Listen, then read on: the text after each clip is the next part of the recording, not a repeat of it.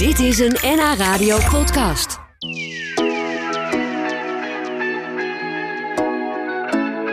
Je zou het bijna vergeten in deze zomerse weken, nu veel mensen lekker op vakantie gaan. Maar niet zo ver hier vandaan voedt nog steeds de oorlog in Oekraïne. Er komen ook nog steeds veel vluchtelingen uit dat land aan die opvang zoeken in Nederland. En vandaag is Robert Zaal bij ons de gast, directeur van de organisatie Take Care B&B. Is een organisatie die gastgezinnen en vluchtelingen aan elkaar koppelt. Uh, Robert, we spraken jou in maart ook, toen de oorlog eigenlijk nog maar net een paar weken bezig was. Ja. Uh, in het begin was die nood heel hoog. Jullie moesten echt dag en nacht eigenlijk aan de bak. Is het nu een soort geoliede machine eigenlijk, jullie organisatie? Nou ja, het is wel. Ik gebruik zelf ook wel eens die beeldspraak van de machine. En in die eerste tijd, hè, wij, wij, er gebeurde hè, 24 februari was het dat de oorlog uitbrak. En zeg maar in de dagen daarna zagen wij. Er kwam natuurlijk hè, het vluchtelingen, kwam, kwam de vluchtelingenstroom op gang. En, en, en werd er een, deden we en allerlei andere organisaties oproepen. En zagen we soms wel 2.500 mensen die zich aanmelden als gasthuishouder per dag. Hè. Dat zijn er uiteindelijk 33.000 geworden. Um, en we hebben inderdaad, dat is wel grappig dat je het zegt, een soort machine gebouwd om dat allemaal in goede banen te leiden. We moesten al die mensen gaan bellen, gaan informeren over wat het betekent om iemand in huis te nemen. Screenen, hè, zijn ze wel geschikt? Ja. Uh, hè, was geen en, verkeerde bedoelingen, nou mensenhandel, ja, noem op. Precies, ja. dat is een aspect. Hè, dat, daar waren zeker in het begin ook nare verhalen over. Maar ook heeft iemand wel een kamer beschikbaar. Hè, die, de, hij hoeft niet op slot te kunnen, maar de deur moet wel dicht kunnen.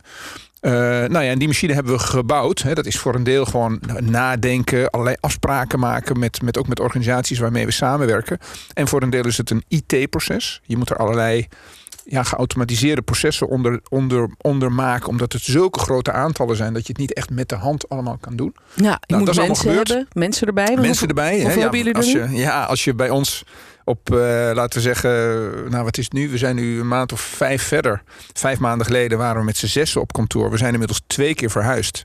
En we zijn nu met dertig. Zo. Uh, nog los van alle mensen, vrijwilligers in het land. Dus, dus we zijn in een hele korte tijd ontzettend gegroeid. Ja. Maar het machientje snort nu wel. Ah, dat is dat fijn. is wel fijn. En Dus- het kan altijd. Je kunt er hier en daar nog een druppeltje olie bij doen. Het kan, Ja. gaat hier nog ietsje soepeler. Maar het loopt dat is goed. wel, ja, dat gaat goed. Ja. Ja. En ik zag op de site dat jullie inmiddels de 450ste match hebben gemaakt. Ja. Uh, dat zijn dus 450 adressen, ga Ja. ik vanuit. Uh, dus meer mensen, want Ja. hè, er worden ook hele gezinnen worden er ondergebracht. Uh, weten jullie ook hoeveel mensen het dan om gaat? Ja, dat weten we heel precies. We zullen vandaag de duizendste persoon matchen. Toen ik wegreed hier naartoe, toen zaten we geloof ik op 993.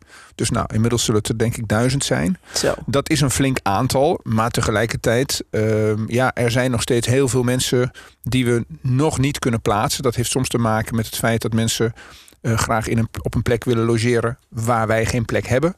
Het kan ook zo zijn dat soms een gastgezin nog even niet beschikbaar is, omdat ze net met vakantie zijn. Oh ja. Dus het is een ontzettende puzzel. Ja. Uh, en daarom is het ook best wel, hè, voordat wij een, een, een uh, Oekraïense vluchteling of een gezin aan een gastgezin kunnen matchen, zijn we zo 12 uur bezig per match. Ja.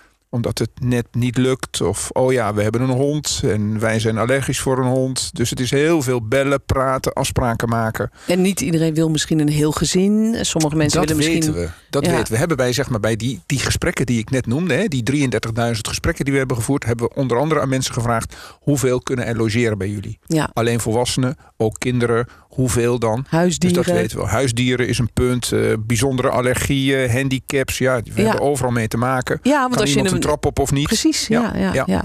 En de- de 33.000 gezinnen hebben zich aangemeld in die maanden. Dat vind ik ongelooflijk veel. Dat, dat krijgt toch een warm gevoel van. Dat er zoveel mensen zijn die, die bereid zijn om mensen in huis te nemen. Maar hoeveel mensen zijn er uiteindelijk door die screening gekomen? door die gesprekken? Ja, dat is inderdaad een goed punt. Hè? Want we hebben tijdens die gesprekken mensen verteld wat het betekent om iemand in huis te nemen. En wat daarvoor nodig is. En uiteindelijk is ongeveer de helft van die mensen heeft gezegd: Oké, nu ik dit weet, wil ik het nog steeds. Uh, dus dan zitten we op ongeveer 15, 16.000. Maar daarna was er nog een drempel. Want we verwachten ook van iedereen dat hij een VOG, een verklaring omtrent het gedrag, aanvraagt. Ja, dat- Juist om die problemen die jij net schetst, mensenhandel, zeden, ellende te voorkomen. Ja. Ehm, ja, en, dat is, en sommige mensen vergeten dat dan. Of eh, die doen het wel, maar die hebben hem nog ergens op de stapel post liggen. En we hebben uiteindelijk zo'n 6000 mensen huishoudens die nu geschikt zijn om mensen te, uh, te ontvangen. En dat zal nog wel toenemen, want we blijven er natuurlijk achteraan bellen. Ja, komen er Eh, nog steeds aanmeldingen binnen eigenlijk ook? Ja, mondjesmaat. Ja, En het ja. is eigenlijk wel jammer, want, want ja, we, we- we lezen natuurlijk wel vaker... de oorlog lijkt, jij zei het net ook, lijkt een beetje ver weg. Maar hij is nog volop gaande. Eh, en er komen nog steeds vluchtelingen naar Nederland. Ja, En- sterker nog, eh, we zien natuurlijk dagelijks de beelden van, van mensen die buiten moeten slapen. Ja, ja. Ehm, krijg jij dan niet ook een beetje pijn in je buik? Dat je denkt, ik heb, pijn in mijn buik. ik heb nog 5000 Ja. gastgezinnen op de lijst staan die nog niemand in huis hebben, die wel willen, die gescreend zijn, die een verklaring omtrent gedrag hebben. Ja, maar weet je, Patricia, dat, dan kom je ook voor een deel in een soort bureaucratisch doolhof terecht. Kijk, de mensen die in Ter Apel buiten slapen, zijn geen Oekraïners. Nee. Dat Maar jullie zijn doen alleen Oekraïners. Nou, we doen ook de, de statushouders, zoals Ja, ze dan heten. Maar de, dus dat zijn mensen die al de hele procedure doorlopen hebben en die in Nederland mogen blijven. Maar de mensen die daar net aankomen, die hebben nog geen status. En die moeten eerst dat hele proces door van de IND. Ze moeten ingeschreven worden in Nederland. Er moeten ziektekostenverzekeringen worden aangevraagd. Ehm, en hun asielaanvraag moet nog worden beoordeeld. Ja, nee, duidelijk. Jullie, eh, jullie koppelen eigenlijk alleen eh, vluchtelingen die al een bepaalde status hebben. Precies. En Die zijn erkend en onderzocht. En eh, ja, duidelijk. Nou, zo dadelijk praten we nog even verder. Want Ja. ik ben eigenlijk wel heel benieuwd hoe het gaat met die gezinnen die jullie al gematcht hebben. Ja. Hoe gaat het bij die mensen thuis? Daar praat ik zo nog even over door met Robert Zeil van de organisatie Take Care B&B. Robert, je vertelde net, het gaat dus niet om vluchtelingen die nu net aankomen bij Ter Apel en daar de nacht moeten doorbrengen. Het gaat echt om, om vluchtelingen die erkend zijn, die een status hebben, die gecheckt zijn Ja. en die dus hier langer mogen gaan blijven. Ja. Eh, gisteren hoorden we dat, dat er misschien mensen op cruiseschepen opgevangen gaan worden. Wat dacht je toen je dat hoorde? Nou, dat, dat vind ik wel erg. Kijk, ik, ik snap wel dat, dat het probleem heel groot is. Hè. Er is echt een crisis. Uh, maar dat het zover gekomen is dat mensen uh, op zee op een cruiseschip moeten gaan logeren. En dat er een loodsbootje heen en weer moet gaan varen. Dat vind Ja. ik wel heel erg. En, en weet je, we, we kunnen dat niet zo even morgen oplossen. Maar weet je, wa- wat wij doen bij Take Airbnb... en gelukkig met al die honderden en duizenden gastgezinnen... is dat we...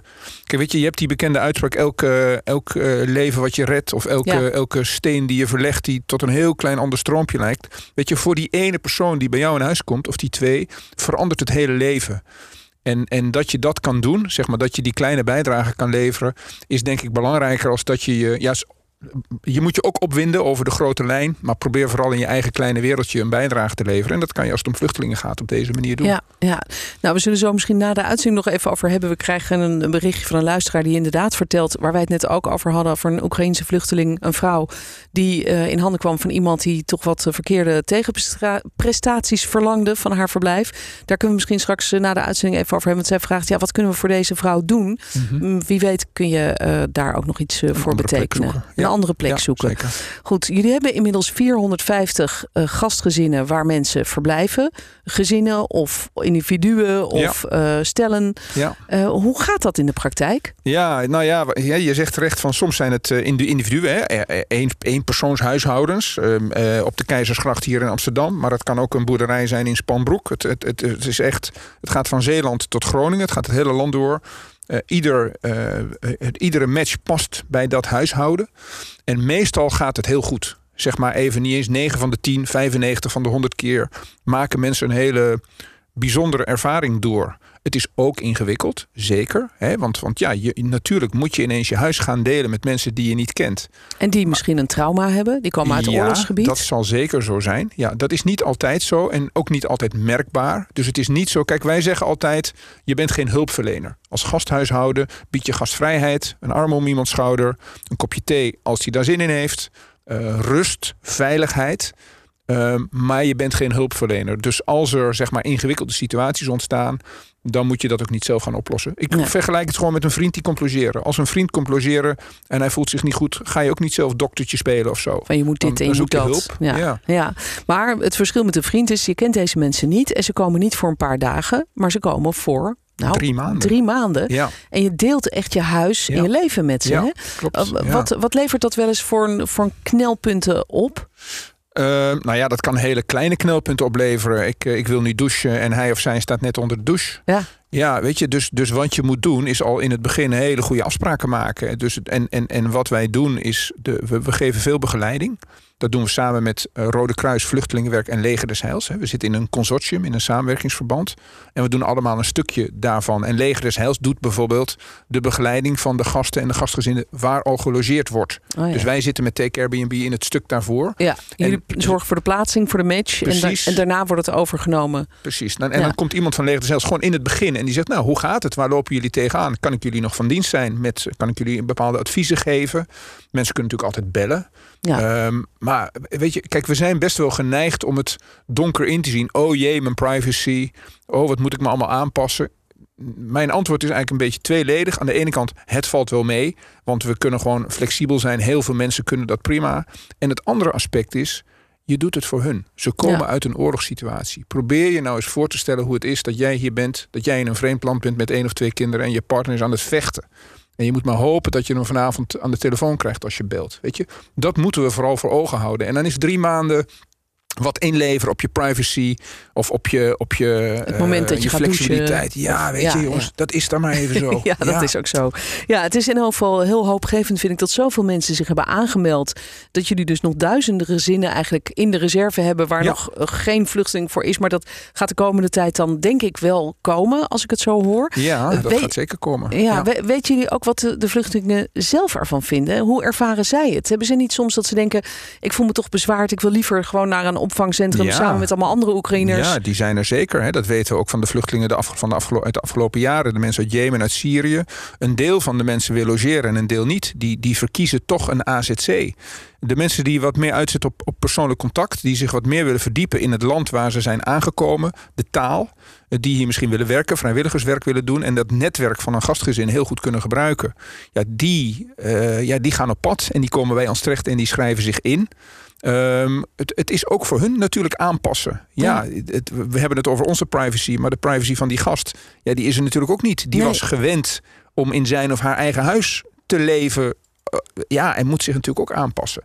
Maar ik, ik kan niet anders zeggen, wij weten het gewoon. We doen het al zes jaar. En we zien heel vaak dat ook na het logeren de relatie voortduurt. Ik weet zeker, ik hoop dat er snel vrede komt in Oekraïne. En ik weet zeker dat er heel veel Nederlandse ex-gastgezinnen, dan ex-gastgezinnen, op vakantie gaan naar Oekraïne. Ja, ja. En, en, en bij hun Oekraïnse. Ja. dat gaat zeker. Dat, Daar kan je donder op zeggen. Dat gaat gewoon gebeuren. Um, en ja, dat is, dat is prachtig. Kijk, gastgezinnen die iemand uit Syrië hebben of uit Jemen, ja, dat kan niet. Of nog niet. Ik heb zelf iemand uit Jemen een half jaar thuis gehad. Ja. Ga dat binnenkort weer doen. Je hebt er ook over geblogd, hè, jullie samen. Ja, dat is ook leuk voor mensen om even te volgen. Ja, ik heb hem van de week weer gezien en ik zei: Mohammed, wat zou het toch ontzettend gaaf zijn als ik over tien jaar met jou naar Jemen kan gaan. En jouw familie en jouw dorp en jouw omgeving kan bezoeken. Ehm, en dat gaat voor Oekraïne zeker ook gebeuren. Ja, nou dat zijn uh, hoopgevende gedachten in elk geval. Fijn dat je even bij ons was, Robert. En uh, we koppelen jou nog even aan die luisteraar met die vragen over die, die vrouw uit Oekraïne, die, eh, die ook op zoek is dus naar een plek om veilig te verblijven. En de informatie is allemaal te vinden op jullie website natuurlijk. takecarebnb.org. Dankjewel. Dit was een NH Radio podcast. Voor meer, ga naar nhradio.nl. NH Radio